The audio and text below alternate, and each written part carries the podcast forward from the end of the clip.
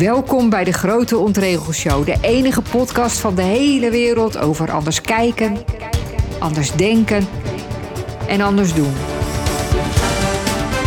Ik ben Jeannette van Dijk en ik neem je heel graag mee op de Grote Ontregelreis.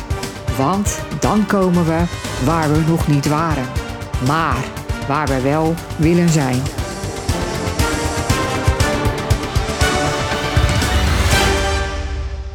Ja, daar zijn we weer. Lijkt lang geleden? Het is ook natuurlijk wel een beetje lang geleden. Ik moet zelf ook nog even wennen aan het nieuwe schema. Vandaag, wat hebben we vandaag in de aanbieding? Een top 10, een guilty pleasure, een nieuwe partij, iets best wel interessants over leren, een ontregeltip natuurlijk. Genoeg, denk ik. Laten we snel beginnen.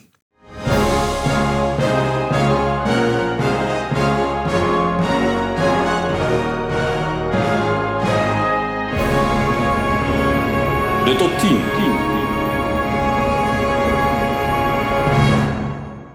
Ja, vandaag wil ik heel graag met je delen mijn top 10 van podcasts. Ik zou zelf denk ik niet een podcast maken als ik er niet een enorme fan van ben. Als jij ook fan bent en je hebt goede tips, geef ze alsjeblieft aan me door. Vind ik super leuk. En ehm, ja, ook als je nog niet zo vaak naar podcast eh, luistert, heb je hopelijk wat aan, deze, aan dit overzicht. Ja, het is gewoon heerlijk, vind ik. Vooral, uh, ik ga s'avonds meestal een stukje wandelen. Als ik alleen ga, heb ik bijna altijd een podcast op. Als ik niet kan slapen, luister ik ook vaak naar een podcast. En hoe leuk ik hem dan ook vind, ik val er dan toch altijd op de een of andere manier bij in slaap. Ja, het is gewoon heerlijk en informatief en leuk en boeiend. Nou, genoeg hierover. Hier komt mijn persoonlijke top 10. Op nummer 10 zet ik de Be Great in Business podcast. En dat doe ik niet zomaar. Want namelijk in de aflevering 22 word ik geïnterviewd door de eigenaar van deze podcast, Greta. En het is eigenlijk een heel leuk interview geworden, vind ik zelf. Ik luister les naar mezelf en dan denk ik, oh, wat zeg je nu allemaal weer? Of praat niet zo raar, of uh, weet ik veel wat. Dat had ik nu helemaal niet. Ik denk, als je mij nog niet zo goed kent, dat het een hele leuke manier is om me beter te leren kennen. Het gaat veel over ontregelen, ook over ontregelen in business, maar ook over ontregelen in het gewone leven. En Greta is ook echt een goede interviewer. Dat merkte ik niet alleen toen ze mij interviewde, maar dat hoor je ook aan de andere uh, afleveringen. Dus van harte aanbevolen, be great in business en dan be met alleen de letter B. Op nummer 9 staat de podcast van de Nieuwe Wereld. Ik heb deze um, dit interviewprogramma eigenlijk ontdekt op YouTube. Ik wist niet eens dat er een podcast van was. En het is onder andere van de Leidse filosoof, hoog, nee, hij is geen hoogleraar geloof ik, maar Leidse filosoof Ad Verbrugge. En wat andere mensen. En ook uh, Marlies Dekkers doet ook interviews. Marlies, Marlies Dekkers van de Lingerie. En het mooie is, het zijn wat langere interviews. En ze zijn echt best wel. Uh, gaan echt wel de diepte in. En mij persoonlijk spreken ze ook aan omdat ze een wat andere kijk geven op uh, de coronacrisis. Dus ze interviewen ook um, ja, allerlei wetenschappers, onderzoekers, artsen, psychologen over de coronacrisis. En dan krijg je net even een ander beeld en nieuwe inzichten dan je normaal hebt. Op nummer 8, de showbizmoord. Wij hebben de hele uh, serie geluisterd toen we vorig jaar onderweg waren naar Frankrijk op vakantie. En um, het is boeiend, spannend, afwisselend, heel vermakelijk. Het was echt heerlijk om onderweg naar deze podcast te luisteren. En ja, hij neemt je ook helemaal mee in die tijd. En um, ja, echt de moeite waard. Op nummer 7, Modern Love van de New York Times. Modern Love is een rubriek die de New York Times al best wel lang heeft. En daarin staan brieven van lezers over iets in hun liefdesleven. Uh, zei ik net Modern Life? Modern Love is het, moderne liefde. En vaak zijn het ook echte schrijvers die um, die brieven hebben geschreven. Dus het zijn vaak hele mooie, mooi geschreven stukken en ze worden ook mooi voorgelezen. Maar het zijn ook hele mooie, indringende onderwerpen. Ja, waar je soms stil van wordt of over aan na gaat denken. Of... Nou, in elk geval, ik vind het echt een hele fijne podcast. Uh, Modern Love van de New York Times. Dan wil ik één aflevering noemen van Moordzaken, de podcast. Namelijk aflevering 10 is het volgens mij de balpenmoord. Ik woon in Oegstgeest en mijn werkplek is in Leiden. En ik, eigenlijk woon ik, ik wil altijd liever zeggen dat ik in Leiden woon, want uh, ik woon in een wijk die aan Leiden is vastgeplakt. Het is vlakbij het Leidse station, vlakbij het bord van de gemeente Leiden. Maar het is de gemeente Oegstgeest. Hm. En ik heb ook heel lang vanaf mijn twintigste in Leiden gewerkt, onder andere bij het Leidse Dagblad. En een van de bijzondere dingen die er um, zijn gebeurd is de balpenmoord. Een vrouw werd doodgevonden in haar woonkamer en toen bleek er een pen achter haar oog te zitten. Een big pen, om precies te zijn. Nou, of het een ongeluk was, of het een moord was en wie dat dan heeft gedaan, het zijn allemaal raadselen en er zijn allemaal dingen rondom gebeurd. En um, ik vind dat de aflevering van Moordzaken, de podcast, de, de balpenmoord. Ik hoorde dingen die ik nog niet had eerder had gehoord. En het geeft een heel mooi, nabij, intiem verslag. En ja, je wordt er wel even stil van, kan ik je vertellen, om hoe levens. Ja, het is natuurlijk een hele heftige gebeurtenis, maar door alles wat er verder ook nog gebeurt, is het nog, nog heftiger dan je je nu kan voorstellen. Dus van harte aanbevolen de balpenmoord. Op 5 de Magische Momenten podcast van Dolly Heuveling van Beek. Uh, zij zet elke zondag een nieuwe meditatie online via haar podcast. En ik heb het volgens mij al eerder gezegd. Ik vind haar stem heel prettig. Ik denk dat smaken daarin verschillen. Maar ehm, haar stem is heel prettig en ze doet ook begeleide meditaties. Nou, dat begreep je vast al. En als je net als ik het best wel lastig vindt om een goed ritme te vinden in mediteren, dan kan ik je deze podcast van harte aanbevelen. Je kunt ook zoeken op aflevering. Ik doe bijvoorbeeld wel eens een aflevering van om dichter bij mijn intuïtie te komen. Of nou ja, je kan ook uh, iets ik zeg maar wat, als je wat rustiger wil worden, als je veel spanning voelt of wat je ook maar wil. Er zijn allerlei uh, verschillende magische momenten. Op nummer 4. Uh, Koekeroe, de podcast van Giel Belen. Nou, volgens mij hebben heel veel mensen hebben meteen een oordeel over Giel Belen, maar hij kan echt goed interviewen. En hij interviewt ook bijzondere mensen. Ik heb zelf bijvoorbeeld genoten van de aflevering met Tijn Tauber. Ben ik ook een beetje fan van. Maar bijvoorbeeld ook aflevering 39 is met Anne de Jong. Anne de Jong is de, uh, eigenaar, een van de eigenaren van Nonons. Die coachopleidingen verzorgt in Amsterdam. Waar ik zelf ook twee coachopleidingen heb gedaan. Ik heb haar ook geholpen met coachboeken schrijven. En zij heeft een nieuw boek gemaakt, De Geluksroute. En die gaat eigenlijk over coachen, maar ook over heel toepasbaar hoe je uh, dit, de geluksroute, in de dagelijkse praktijk, in je, werkelijk, in je werkelijke leven, in je leven van alle dag kunt toepassen. Heel praktisch, heel, maar ook best wel levensveranderend. Echt waar. Zij geeft daar gewoon hele praktische tips voor. Uh, die ik ook allemaal ken, omdat je die, die in die opleiding ook allemaal leert en zo. Dus nooit heb ik, nu heb ik nooit meer gedoe in mijn leven. Grapje. Nee, het is echt, uh, echt de moeite waard. Op nummer drie, Nooit meer slapen. De podcast van het gelijknamige VPRO-programma dat s'nachts wordt uitgezonden en dat ik daarom nooit luister. Hele fijne interviewer, Pieter van der Wielen. Ik heb bijvoorbeeld genoten van de aflevering waarin hij Paul van Tongeren interviewt. Ik weet niet precies welke aflevering het is. Moet je even opzoeken. Paul van Tongeren is de nieuwe denker des vaderlands. En dat is ja, zeg maar de filosoof van uh, Nederland even. En hij is um, opmerkelijk, is, vind ik, dat hij in de zeventig is of zo. Dus ze hebben iemand gekozen die al met een hoogleraar filosofie, die al met emeritaat is. En hij geeft in het gesprek met uh, Pieter van der Wielen. Ja, wat ik zo fijn vind, ik luister vaker uh, podcasts met filosofen. Vooral in deze tijd, omdat zij ook bij de coronacrisis gaan zij eigenlijk er een beetje boven hangen. Ze kijken zo, weet je, je zit heel snel in één kamp of in het andere kamp en zij hangen er een soort boven. Zij geven een soort blik van, ja, een soort helikopterview. En Paul van Tongeren heeft hele fijne manier om te vertellen, vind ik. De Radboud Universiteit heeft trouwens ook een aparte podcast over, uh, met filosofische-achtige, filosoof interviews in uh, coronatijd. Maar Nooit meer slapen. Er staan meer mooie interviews op. Ja, ook echt een hele mooie podcast. Op nummer twee. De podcast van Suzanne van Schaik. Suzanne van Schaik is een vriendin, business buddy. En uh, van mij al een tijdje. En ook, um, ik ben ook klant van haar. Zij is business coach. Ze is 27 jaar. Ze is keigoed. Ik vind het echt zo bijzonder uh, wat zij allemaal al bereikt heeft. Maar um, ze is ook totaal niet oppervlakkig. Ze gaat echt de diepte in.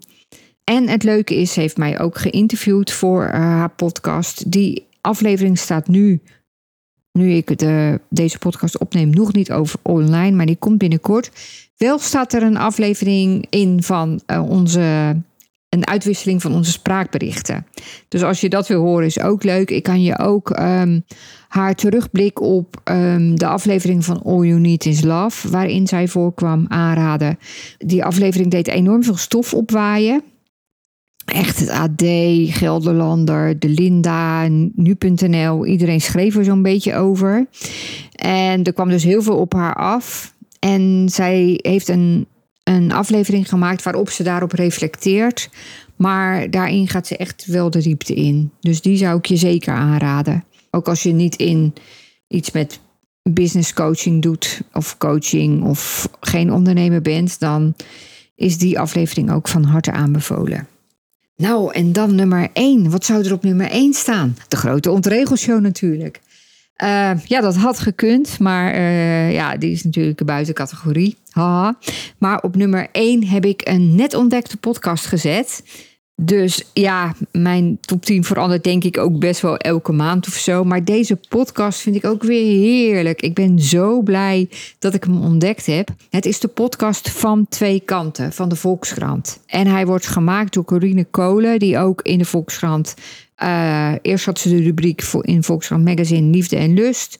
En nu heeft ze ook weer een, um, een, rubriek, die heet geloof ik anders, maar misschien heet die nog hetzelfde. Ik weet het eigenlijk niet. Ook over de liefde, waarin ze mensen interviewt. Ze heeft ook boeken geschreven, naar aanleiding van alle interviews die ze heeft gemaakt. En van twee kanten is een heel mooie manier van podcast maken, want er worden stellen geïnterviewd die iets bijzonders of iets ingrijpends hebben meegemaakt. En ze vertellen allebei hun eigen kant van het verhaal, maar los van elkaar. Dus um, um, ze praten daar heel open over, zonder op de een of andere manier beïnvloed te zijn door de ander, althans niet rechtstreeks. En die twee interviews zijn dan door elkaar gemixt te beluisteren. Zo hoor je het verhaal echt van twee kanten, inderdaad. En ik vind haar ook echt een hele goede interviewer. Zij stelt echt vragen dat je denkt: oh ja, ja, wat een goede vraag. Die kun je nu ook stellen. Of soms denk je: god, dat ze dat durft. Ze houdt zich totaal niet in. Maar ja, ik ben echt, uh, echt, echt onder de indruk geraakt van sommige verhalen. Zijn echt mooi. Van twee kanten. De podcast van de Volkskrant. Die staat op nummer 1. Dus uh, voor de liefhebbers herhaal ik ze nog even op nummer 1 van twee kanten. Nummer 2 Suzanne van Schaik. Nummer 3 Nooit meer slapen. Nummer 4 Koekoeroe. K-U-K-U-R-U van Giel Belen. 5 Magische Momenten podcast. 6 Moordzaken, de podcast en dan de aflevering van de balpenmoord. 7. Modern Love van de New York Times. 8. De Showbizmoord. 9. De Nieuwe Wereld. En 10. Be Great in Business. Vandaag gedacht.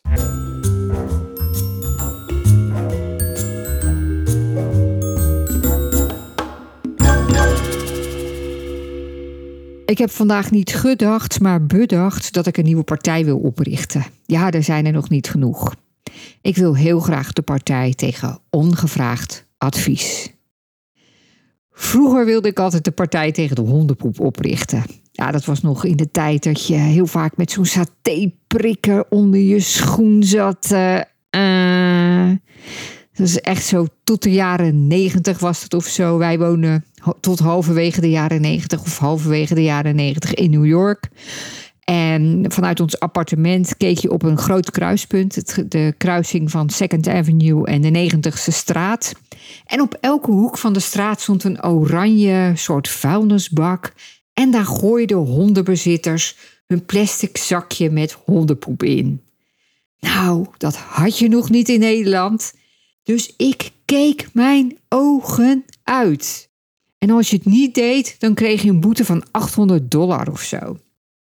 Nou, en was ook een keer, toen liepen we op straat en dan liepen we langs een vrouw en die keek onder haar schoen en toen riep ze echt zo uit van, oh no, and we aren't even in Amsterdam. Want in Amsterdam moest je toen nog met die satéprikkers enzovoort. Nou, inmiddels is de partij tegen de hondenpoep. Ik geloofde echt dat hij veel stemmen zou trekken, maar die is een beetje achterhaald. Want in Amsterdam zijn de satéprikkers voor onder je schoenzool gebruik ook vervangen door hondenpoepzakjes en grote vuilnisemmer. En ongeveer recht achter ons huis is een hondenuitlaatstrook. Dus alles is goed gekomen. Maar hondenpoep heeft plaatsgemaakt voor ongevraagd advies als een van mijn grootste ergernissen. Pas geleden was het weer zover. Een man gaf mij ongevraagd advies over wat ik wel moest doen en wat ik niet moest doen. En over hoe ik het moest doen en hoe ik het beter moest doen. Hij had ook mijn website bekeken. En het was natuurlijk allemaal hartstikke lief en aardig en goed bedoeld. Alleen, ik zat er niet op te wachten. Ik heb al een coach, ik heb er zelfs twee. Ik vraag regelmatig advies aan mensen. Ik doe aan heel veel zelfreflectie. Maar ik zat op dat moment gewoon helemaal niet te wachten op het advies van die man. Hoe goed bedoeld ook. Dus het ergerde me. En ik dacht, oh ja, nu zitten we in de drama-driehoek. Hij denkt dat hij mij moet gaan redden. Hij denkt dat hij me aan het helpen is, maar hij is me aan het redden. Want ik heb geen hulpvraag aan hem. En ik voel me nu het slachtoffer. Toen dacht ik later, nee, ik voel me niet het slachtoffer, ik voel me de aanklager. De derde positie van de drama-driehoek. Want ik ben aan het mopperen en ik bouw van die man. En ik heb er helemaal geen zin meer in. Nou, ook als je coach bent, kan je ook vaak in de drama-driehoek terechtkomen. Dan denk je, joh, waarom doet die klant niet wat ik, wat ik heb gezegd? Nou, misschien wel omdat hij iets, een hele andere hulpvraag had. Of omdat hij even niet op dat ongevraagde advies zat te wachten. En nou, dan kan je ook in de rol van aanklager komen, van dat je jezelf steeds meer terug gaat trekken en helemaal geen zin meer in hebt en zo. En een beetje boos bent op die klant. Nou, wat kan je dan altijd doen? Ook in het gewone leven zitten we heel vaak in de drama-driehoek. Weet je wel, die collega die, uh, die heel vaak advies geeft terwijl je het zelf wil uitzoeken. Of die schoonzus die juist altijd met advies komt terwijl jij daar niet op zit te wachten. Je kan geen verhaal vertellen of ze komt dan met de oplossing terwijl jij gewoon je verhaal even kwijt wilt ja, ik noem altijd schoonzussen. Ik heb er heel veel, maar ik bedoel niet specifieke schoonzussen. Ik geef het altijd maar als voorbeeld. In plaats van schoonmoeders heb je dan schoonzussen.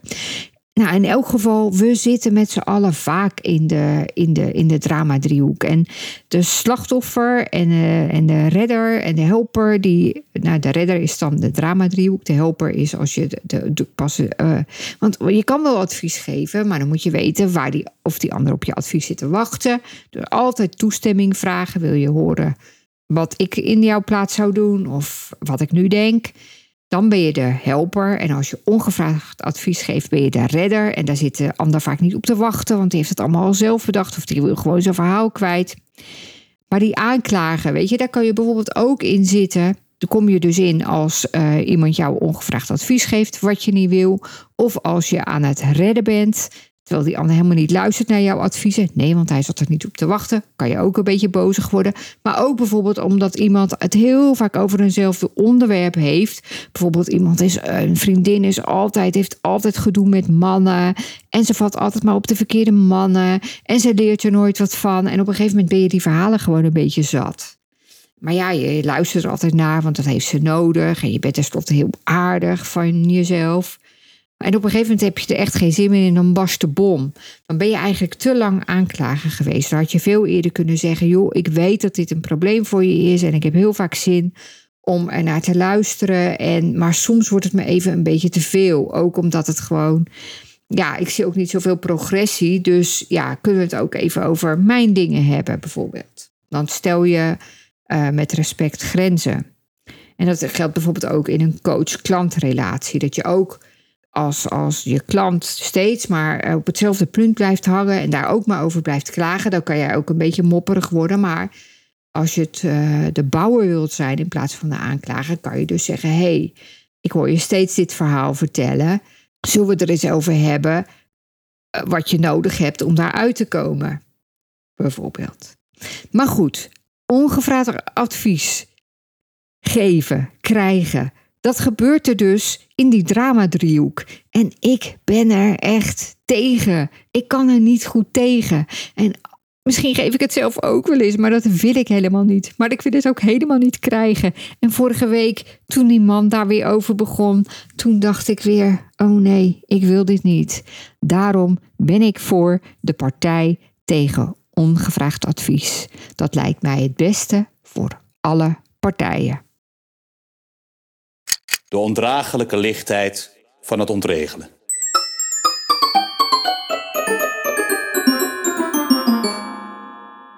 Ik deel vandaag even mijn allerfavorietste ontregeltip. Ah, ik weet niet precies of die mijn allerfavorietste ontregeltip is, maar het is wel een van mijn favoriete ontregeltippen. En ik heb hem al vaker gedeeld, maar je kan hem niet vaak genoeg horen. Ik vertel hem ook vaak nog tegen mezelf, want hij is gewoon echt mooi, grappig, leuk. Je kunt hem heel eenvoudig toepassen. Vandaag al of morgen. De ontregeltip is: zeg in plaats van sorry dank je wel. Je moet eens opletten hoe vaak we sorry zeggen. En het wordt heel leuk als je in plaats daarvan dank je wel zegt. Dus niet meer sorry dat ik te laat ben, maar dank je wel dat je op me hebt gewacht. Niet sorry dat ik zo tegen je uitvoel. Dank je wel dat je altijd zo geduldig met me bent. Niet sorry dat ik weer van alles heb laten slingeren of de vaatwasser niet heb afgeruimd of um, um, een, een, een schaaltje niet heb afgewassen voordat ik het in de afwasmachine zette. Gaat altijd over huishoudelijke dingen, hè? die ergernissen. Maar dank je wel dat jij dat voor me hebt opgeruimd. Geen sorry zeggen, maar dank je wel. Ook op je werk, ook in zakelijke contacten, ook met klanten probeer het eens uit. Er is echt een beetje zo'n sorry-cultuur, maar het wordt echt anders als je dankjewel zegt. Ja, ik kan nu zeggen sorry als je dit al vaker hebt gehoord of sorry als je dit item te lang vindt, maar ik zeg dan dankjewel dat je weer hebt geluisterd. Uit de serie van het Concert des Levens heeft niemand het programma en andere tegeltjes wijsheden. De tegeltjeswijsheid van vandaag is: je bent nooit te oud om te leren. Maar leren gaat natuurlijk wel moeilijker als je ouder wordt. Dat weten we allemaal. Maar ik ben het er eigenlijk helemaal niet mee eens. Want ik leer superveel. Ik ben een aantal jaar geleden uh, heb ik mijn baan als journalist opgezegd. Ik ben een nieuw avontuur begonnen. En sindsdien leer ik zo ontzettend veel. En ik leer elke dag nog bij. Ik heb geleerd om coach te worden. Ik heb geleerd om te ondernemen. En ik ben nu bezig in het proces om het ondernemen nog veel beter te gaan doen. Ik leer business coaches beter te coachen, ook een leerproces. Ik leer anderen ook om meer te leren. En leren is gewoon fantastisch. En je kan het ook nog doen als je ouder wordt. Je bent nooit te oud om te leren. Dat is waar. En dat leren moeilijker gaat als je ouder wordt. Ik weiger het te geloven. En ik heb Tom Vanderbilt aan mijn zij. Tom Vanderbilt is een Amerikaan, je raadt het al.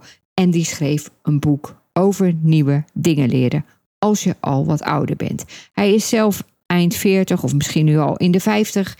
En hij had een dochter en hij wilde heel graag dat zij heel veel verschillende dingen leerde.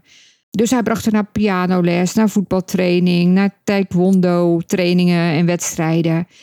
En terwijl hij zat te wachten tot die les was afgelopen of die training voorbij was, zat hij een beetje op zijn telefoon te scrollen. En op een gegeven moment dacht hij: ja, als mijn dochter nou zeg, zou zeggen: Jij vindt wel dat ik van alles zelf moet leren, maar wat leer jij eigenlijk nog? Dan sta ik met mijn mond vol tanden.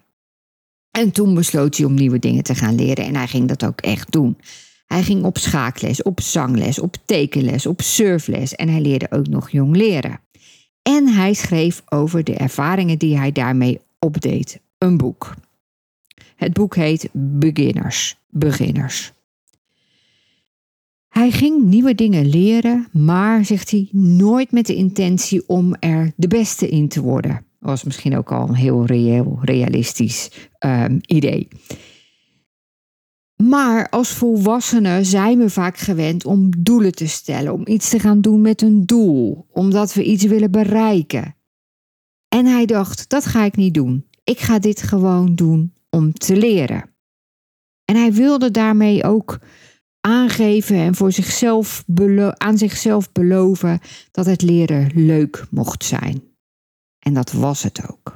In zijn boek schrijft hij over het proces, over zijn eigen proces van leren, maar ook over de wetenschap achter leren. Want dan kom ik nog weer even terug op, op, op het idee dat het voor volwassenen moeilijker is om dingen te leren. We weten allemaal dat jonge kinderen heel makkelijk leren. Het is hun eerste levensbehoefte eigenlijk om te leren eten, om te leren praten, om te leren lopen, om te leren rennen, om te leren tekenen. En vanaf je twaalfde gaat dat een beetje veranderen. Dan is het al niet meer je eerste levensbehoefte. Dan ja, heb je bijvoorbeeld al geen zin in huiswerk of zo dat, dat, dat oorspronkelijke leren, dat gedachteloze leren, dat leren zonder erbij na te denken, dat automatische leren gaat er al snel van af. Jonge kinderen zijn geboren om te leren en daarna wordt het er iets wat een beetje moeilijk of lastig is. Maar dat is helemaal niet nodig. We hoeven niet pessimistisch te zijn over onze eigen mogelijkheden om te leren, want onze hersenen blijven flexibel. We kunnen het aan om nieuwe uitdagingen aan te gaan, om nieuwe dingen te gaan doen, om nieuwe dingen te gaan leren. En sterker nog, uit onderzoek blijkt dat mensen die blijven leren, gewoon ook heel flexibel in hun brein blijven. Nieuwe dingen leren, nieuwe skills aanleren helpt je om het verouderingsproces van je hersenen uh, te vertragen. Nou, daar schrijft hij over hij schrijft over andere wetenschappelijke ontdekkingen over het leren, kom ik zo meteen nog op. Maar hij schrijft ook over wat hij zelf leerde tijdens het leren. Bijvoorbeeld wat leren effectief maakt. Nou, dat is bijvoorbeeld dat je kan leren van je fouten. En daarom is het dus belangrijk om tijdens het leren te kijken wat ging er goed, wat ging er fout. Daar leer je extra van. Hij noemt bijvoorbeeld het voorbeeld van schaken. En dat vind ik, vond ik zelf heel grappig, want ehm, ik schaak ook. En ik schaak vooral via het online chessprogramma Chess. En ik schaak wel eens tegen mijn man en meestal verlies ik en soms verlies ik net. Maar ik zie wel, en dat ziet hij ook, dat ik op zich wel een soort snap hoe het werkt. Dat ik wel een soort aanleg heb om goed te kunnen schaken. Om, ik denk zelf omdat ik een logische denker ben. En hij zegt heel vaak tegen mij: Ja, ik heb nooit. Ik heb vroeger schaken van mijn opa, van mijn vader geleerd. En ik heb nooit enig schaakboek ingekeken. Ik heb nooit op YouTube gekeken hoe schaken werkt. Wat goede openingen zijn. Interesseert me helemaal niet. En uh, mijn man zegt dus heel vaak tegen mij: Leer nou een paar openingen. Dan, dan start je meteen goed zo'n partij. Maar heb ik dan helemaal geen zin in. Uh, want ik denk, blijf gewoon die spelletjes leren. Maar Tom Vanderbilt zegt dus in zijn boek, gebruikt hij juist het voorbeeld van schaken. Hij zegt hij, ja, je kunt 100 uur besteden aan online spelen, maar je leert er veel meer van als je kijkt naar de strategieën die hele goede schakers toepassen. Of als je met iemand bespreekt waarom je hebt verloren, wat er fout ging, wat beter kon. Ja, dat doe ik dus allemaal niet. Hè? Ik blijf maar gewoon eindeloos die spelletjes spelen. Ik weet niet of dat voor ehm, per se aan mannen ligt of zo. Maar ik merk bijvoorbeeld aan eh, mijn man dat hij dat echt heel. Dat hij dat zelf zo anders doet. Dat hij juist al die openingen ehm, heeft geleerd. En ik hoor het ook van andere mensen die schaken. Maar ik doe altijd maar wat. Een ander ding dat hij leerde, haha, tijdens het leren, is dat het belangrijk is dat de oefeningen die je doet gevarieerd zijn. Dus als je bijvoorbeeld wil leren hooghouden met een bal of zo, dat je dat dan met verschillende ballen doet. Of ja, één keer eh, steeds achter elkaar uh, of de bal hoger schoppen of zo, weet ik veel. Maar dat je steeds ehm, ja, variatie brengt in, in je oefeningen. Hij noemt dat herhalen zonder te herhalen. Wat ook helpt is om te kijken, niet alleen te kijken hoe mensen die al verder zijn dan jij het doen, maar juist ook om te kijken hoe beginners het doen. Want als je naar andere beginners kijkt, dan uh, zie je vaak heel goed wat zij goed doen en wat zij fout doen. En het allermeeste leer je van als je anderen uitlegt hoe het moet. Want dan wordt je brein weer anders ingezet. Dus leg vooral uit aan anderen hoe het moet. Dat helpt je enorm. Nou, zijn advies is ook als je iets nieuw, nieuws wilt leren, doe dan iets wat makkelijk toepasbaar is in je dagelijks leven. Bijvoorbeeld tekenen. En als je dan gaat tekenen in plaats van een paar series kijken, afleveringen van series kijken, dan zul je merken, zegt hij, want dat heeft hij zelf ook gemerkt, hoe snel je vooruit gaat. Het beter leren tekenen kostte hem veel minder tijd dan hij had verwacht. Nou, dan is natuurlijk de grote vraag die jij misschien ook al stelt: ja, waarom zou je het doen? Waarom zou je überhaupt bedenken om iets nieuws te gaan leren? Nou, ik zei het al, uit onderzoeken blijkt dat het helpt, nieuwe dingen helpt, leren helpt tegen om het, de veroudering van het brein tegen te gaan. Maar het helpt je ook om beter te denken en om goede beslissingen te nemen. Want je brein wordt efficiënter van nieuwe dingen doen. Omdat hoe meer verschillende dingen je doet, hoe effectiever en efficiënter je brein wordt. Het blijkt ook dat Nobelprijswinnaars, die doen vaak meer dan één ding naast hun die doen naast hun gewone wetenschappelijke werk ook nog andere dingen, zoals bijvoorbeeld muziek maken of dansen of creatief schrijven. Dus ja, dat staat allemaal in het boek Beginners van Tom Vanderbilt. Ik vind het zo leuk om zijn naam te zeggen, dat had je vast al door. Maar ik vond het ook zelf heel leuk om wat over zijn ervaringen en de dingen die hij had uitgezocht te lezen. Omdat, zoals ik al zei, ik zelf ook nog heel erg in de staat van een leerling ben. Ik ben bij een nieuwe business coach begonnen en daar leerde ik ook weer zoveel nieuwe dingen van. Maar nieuwe dingen leren, ik kan het je van harte aanbevelen. Het brengt je zoveel, het is echt leuk. Uh, nou ja, en dan nog al die andere dingen die Tom Vanderbilt noemt. Had ik al gezegd dat nu eh, de rubriek My Guilty Pleasure komt? Nou, daar komt hij.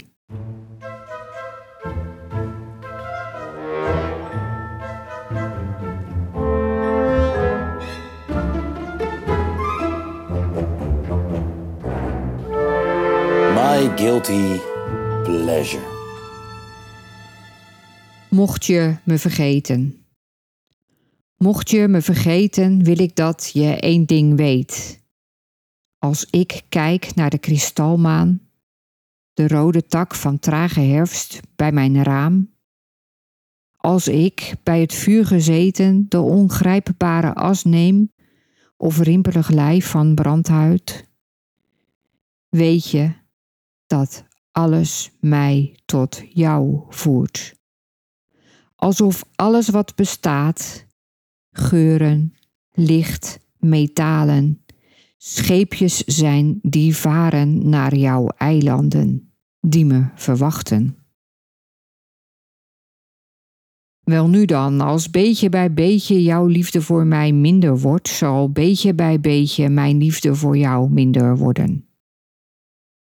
Als je me plotseling vergeet, zoek me niet, want ik zal je reeds vergeten zijn. Als je de wind van vlaggen die door mijn leven waait waanzinnig en lang vindt, en je besluit me aan de oever te laten van het hart waarin ik wortel, bedenk dat op die dag, op dat uur, ik mijn armen op zal heffen, dat mijn wortels naar buiten komen om andere grond te zoeken. Maar als je dag na dag, uur na uur voelt, onverzoenlijk lief, dat je voor mij bestemd bent, als dag na dag een bloem aan je lippen ontstijgt om mij te zoeken, ach dan, allerliefste, komt dat vuur weer in mij op. In mij blust niets of wordt vergeten. Mijn liefde voedt zich aan jouw liefde. Zolang je leeft, zal mijn liefde in jouw armen zijn, zonder mijn armen te verlaten. Nou, mijn guilty pleasure is het dus zo mooi mogelijk voorlezen van mooie gedichten. Dat is natuurlijk raar, maar ik heb het al eerder gezegd: dit is mijn speeltuin, hier kan ik doen wat ik wil. En eigenlijk, hoe mooi zou het zijn als we allemaal gewoon meer dingen zouden doen die we willen, meer dingen doen die we leuk vinden, zonder te bedenken wat anderen daarvan vinden. Dit was trouwens het gedicht Mocht je me vergeten van Pablo Neruda. En um, het is nu mei en afgelopen week was er uh, het interview van uh, Matthijs van Nieuwkerk met koningin Maxima. Ik heb het niet helemaal afgekeken, dat was te veel voor mij. Uh, trouwe luisteraars weten dat ik ehm, geen fan ben van het Koningshuis. En ik ben eigenlijk ook geen fan van Matthijs van Nieuwkerk. Dus ik kon het een tijdje aan en daarna niet meer. Maar hij begon met haar een dichtbundel te geven van Pablo Neruda. En zij las een gedicht voor. En daarom heb ik vandaag ook gekozen voor een gedicht van Pablo Neruda. En dit was het weer. Leuk dat je luisterde. Dank je wel daarvoor.